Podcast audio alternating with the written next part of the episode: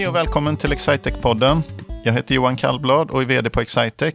Vi är ett konsultföretag som levererar it-lösningar för att göra våra kunders vardag effektivare, enklare och roligare. Den här podden handlar om mina kollegor, alltså vår personal, och kanske någon gång ibland om våra partners eller våra kunder. I detta, det andra avsnittet, så tänkte jag intervjua min kollega Sara Wallbäck. Hej Sara! Hej Johan! Vad trevligt att du kunde komma. Tack! Ja. Jag brukar säga till Sara att vi har en liten speciellt förhållningssätt där, där som, som brukar vara att jag kommer in till henne och uh, beskriver någonting väldigt engagerat och hon ser skeptisk ut. Och det kan vi väl säga, det är väl ungefär den... Det, nu har vi, vi skulle haft kanske en videopodcast här så ni hade kunnat se hur Sara ser ut när hon är skeptisk. Men det är så här hon brukar se ut ungefär. Men uh, vem är du? Sara heter jag som du redan har berättat. och jag är ekonom och eh, IT-fanatiker. Nej, men jag tycker IT är jättekul. Eh, och det är väl ganska ovanligt som ekonom. Eh, så jag har tagit ganska annorlunda bana hit. Okej. Okay. Hur kom du hit då? Ja, jag kom först i kontakt med Excitec som kund, där jag var ekonomichef och behövde en bättre uppföljning för min verksamhet. Just det. Vad var det för, ja, berätta lite. Ja, vi satt i ett ekonomisystem som vi inte tyckte riktigt gav oss det vi behövde i form av uppföljning och analys. Och då letade jag bland tidigare kontakter och eh, kom ju på att Johan håller på med det här med IT. Just det. Jo, det, det var ju jag. Ja. ja, det var du. Eh, så då kontaktade jag er och absolut kunde ni erbjuda en lösning åt oss. Och det var ju så jag kom i kontakt med Excitec. Just det. Hur länge, jag kommer inte riktigt ihåg, när kan det ha varit? Fyra, fem år sedan eller något sånt? Ja, ungefär fyra år sedan är det nog. Ja, ja. Mm. Så. så då jobbade vi tillsammans i ungefär ett år. Ja, men du blev inte avskräckt ändå? Nej, jag, eh, när jag funderade på nytt jobb så tänkte jag att det kanske var dags att byta bana. Jag hade bytt stad och pendlade ganska långt till jobbet och tyckte att det var läge att hitta nya utmaningar. Just det. Och så kom du till oss. Och då kom jag hit. Vad hände då? då? Ja, då fick jag ju börja på en... Jag tänkte att jag skulle börja. Just det, nu tar vi en av, nu tar vi en fel, just det, vi fick en liten wrong turn där i början. Ja, det, det, det blev lite så, där, jag, ja. där ekonomichefen här på Excitec skulle vara föräldraledig.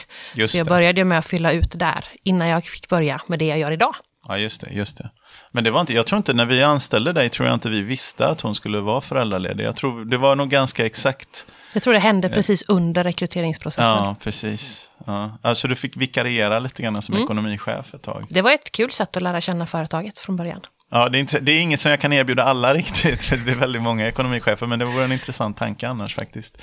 Stabsfunktioner är ibland, jag tycker support är en sån funktion som är lite underskattad ibland för, för att lära känna ett eh, ett företag. Men du, kan du berätta igen då, vad, vad gör du på jobbet nu då? Ja, nu jobbar jag med beslutsstöd.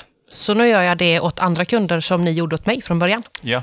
Eh, hjälper till att visualisera och plocka ut data så att det är lättare att förstå sin verksamhet. Mm. Det påminner ju faktiskt om det som i eh, Excitec-podden avsnitt nummer ett, alltså förra avsnittet. Ja, då Ida, du pratade det... med Ida som är en kollega till mig. Ja, just det, precis.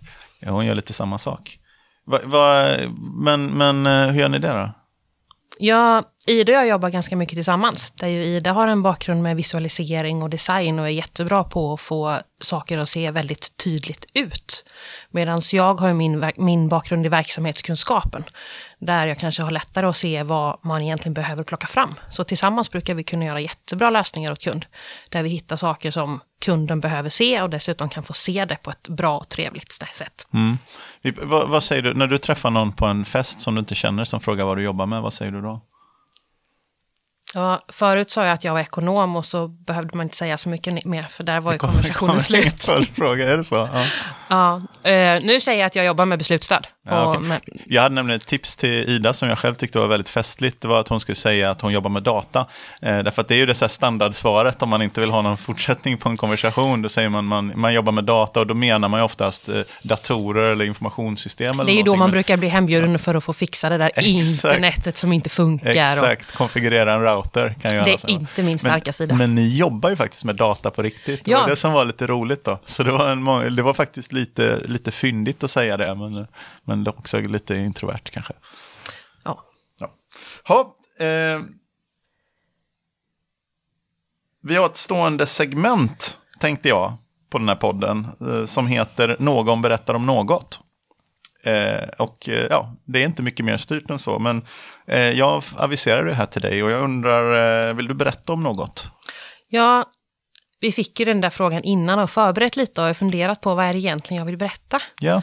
Och den där perioden mellan mitt förra jobb och det här jobbet så var jag föräldraledig eh, och, blev, eh, och fick mitt första barn. Det kan ju ställa livet lite på ända. Så jag tänkte plocka något ur den delen där jag har klurat ganska mycket, jag tillsammans med barnets pappa, min sambo, har funderat ganska mycket på vad vill vi vara för föräldrar? Oh, spännande ämne och svårt. Ja. Och, och vi har en, eh, vi försöker att hålla en mening högt i vad vi, hur vi behandlar vårt barn. Och det är att barn vill om de kan. Barn vill om de kan, är det som mm. nu Till skillnad ja. från eh, mots, motsatsen, barn kan om de vill. Ah. Eh, och det där får eh, spännande konsekvenser i hur man tänker som förälder. Där barnet gör alltid sitt bästa efter förmåga. Och då blir det min uppgift att, eh, att lägga förutsättningar, att möjliggöra att barnet kan. För då kommer barnet att göra som jag vill i nästan alla lägen. Okej, okay. kan, du, kan du repetera en gång bara? Så att jag, jag, jag jo, bara, men jag kan ta ett praktiskt ta exempel. Ett praktiskt exempel. Mm. Superidé. Där, eh, jag, mitt barn är tre år och ja. treåringar är inte kända för att vara eh, samarbetsvilliga i högsta grad. Utan det som kan hända är ju till exempel att eh, barnet eh, på, försöker påkalla min uppmärksamhet kanske. Yeah. Och, och, så tycker jag mig vara upptagen med någonting annat, kanske lagar mat. Yeah. Som ju ändå är en viktig uppgift. Och det slutar kanske med att barnet kastar saker på mig. Ja. Eh, eller har sönder någonting. Ja, alltså i det läget så brukar jag se barnen som fiender. Ja, då är det ganska lätt att tycka att barnet borde skärpa till sig. Eh, Medan om jag tänker att eh, mitt barn vill ha kontakt med mig och det enda sättet hon klarade av att göra det på var att kasta saker. Ja. Då blir det istället så att jag får fundera på, okej, okay, men hon vill ju ha kontakt med mig. Kan jag göra det åt henne på ett enklare sätt så att vi kan få en mer konstruktiv relation? Ja. På det sättet kan jag påverka jag kan få makten över situationen genom att jag påverkar möjligheterna. Så, så jag blir jag... inte maktlös i relationen Nej. av att mitt barn beter sig illa, kan man ju tycka. Men jag tror det här är någonting som är... Hur, liksom, hur länge är man ett barn är väl frågan då. För jag, jag tycker min kommunikativa kamp och det här med fiendeskapet med sina barn, det tycker jag oftast, eh, för mig händer det i relation till mina tonårsbarn. Ja. Då. Um, och där har vi ju på halvtid ett barn som inte är mitt då, som yeah. är tonåring. Yeah. Och vi tycker absolut att det är applicerbart även på det ja. barnet. Så, så hur gör du då rent praktiskt här? Du lagar mat och känner lite eh, att det är den viktiga processen som pågår och ditt barn eh, vill bygga med kafflastavar och börja kasta dem på dig. Så vad är det? Ja, antingen får jag se det som att vi, vi, jag har inte så mycket val, jag måste fortsätta laga mat och då mm. får jag leva med att barnet kastar kaplastavar kanske. Ja. Eh, men då ser jag det som mer mitt fel än barnets fel. Just det. För det var jag som inte kunde avbryta processen. Eller så tycker jag det är så viktigt att jag tar en paus i matlagningen för att sätta mig på golvet och, och försöka kommunicera med mitt barn. Vad, mm. vad ville hon egentligen? Hon kanske ville vara med och laga mat. Yeah. Om jag bara tar mig tiden att försöka förstå henne. Mm. Har ni haft debatter hemma om det här? Om vi är, liksom, ganska överens. är ganska överens. Ja. Men däremot blir det ganska många, många funderingar kring, okej, okay, det, det gick åt skogen. Vad kunde jag gjort annorlunda? Vad är ett exempel på när det går åt skogen då? Eller vad, vad, vad, är det största? Mm, jag tror en sak så här, jag associerar iväg några steg här, men det, jag tycker att det man som förälder, eh, där man känner sig minst nöjd med sig själv, det är ju de ögonblicken där man eh, liksom egentligen ja, vrålar åt sina barn då, om jag ska beskriva något som inte är någon stor stolthet. Jag är nöjd över mig själv just nu i mitt föräldraskap. Att jag inte skrikit på mina barn sedan i somras, vet jag. För jag har lite det som liksom, dagar, du vet sådana fabriksgrejen, dagar sedan senaste olyckan. Så, så jag har inte skrikit på mina barn sedan i somras. Men jag har många gånger i mitt liv skrikit om mina barn. Och det är inte det man mår, mår bäst av. Men är det det som är, miss eller vad definierar ett misslyckande? Ja, det är väl ett misslyckande i sig. Men kanske om vi tar relationen till tonåringen så, så behöver han mat. Han fungerar ja. ungefär som jag, ganska dåligt på lite mat. Yeah. Och då är ett, ett ganska misslyckande om vi inte lyckas att dra honom från datorn som han gärna sitter fast vid för att komma ut och äta. Yeah. kan ju vara ett sånt misslyckande som leder till ganska många dåliga saker yes. senare. Känns väldigt bekant. Ja. Känns bekant, ja. ja. Eh, och en lösning på det hemma hos oss har varit, ja men är det verkligen, vad är viktigast? Att han äter mat eller att han sitter med oss vid bordet? Mm. Så, så vi har ganska ofta börjat servera maten inne på hans rum då. Vet du vad, nu, jag fick en sån himla bra eh, association. För jag satt och också tänkte så här, samtidigt som det här är ett intressant ämne, så tänkte jag, hur ska vi utan att få den här att bli ett oerhört mycket längre avsnitt än vad jag tänkt oss, kunna liksom vinkla, vrida in det här tillbaks igen till vår vardag och det som vi jobbar med och så vidare. För alla har ju inte barn och kan relatera till det. Men jag tycker det är ett intressant ett eh, väldigt intressant perspektiv på, på hur man, att vrida, liksom, att ändra förutsättningar. Det är väldigt gamla liksom, uttrycket kring eh, eh, uttrycket jag fick i huvudet var det här som jag inte ens vet om jag har uppfattat rätt. Men om inte liksom berget, om inte Mohammed kan komma till berget får berget komma till Mohammed. Liksom vända på situationen och se, se hur. Tror du det här är tillämpbart alltså? I det jag ja, fråga? Det... för förlängningen av det här när vi pratar, ja. när man tycker att man har misslyckats. Det är ju, vad kunde jag gjort annorlunda? Och, och, då är det kan också vettigt att applicera samma tankesätt på mig själv. Jag gjorde ju inte, du skrek inte på dina barn för att du Nej. ville det. Utan för att du i det läget upplevde att du inte ja, kunde någonting ja. annat. Vilka förutsättningar kan jag ändra åt mig ja, så att jag agerar annorlunda nästa gång? Mm, mm. Att istället för att slå på sig själv och fundera på jag, var, jag måste skärpa mig, tänka vad, vad var det som inte stämde? Det, det finns ju ett koncept, om pratar, du, du, du jobbade i en mycket större organisation innan. Eh, och så, så har man ju en relation med IT-avdelningen som ibland är från verksamheten relationen mellan verksamhet och IT-avdelning kan ibland bli ansträngd. Va? Eh, kan, man väl, eh, kan man väl nog lugnt säga. Eh, det här konceptet som faktiskt har blivit ganska vedertaget nu som kallas eh, Bring your own device.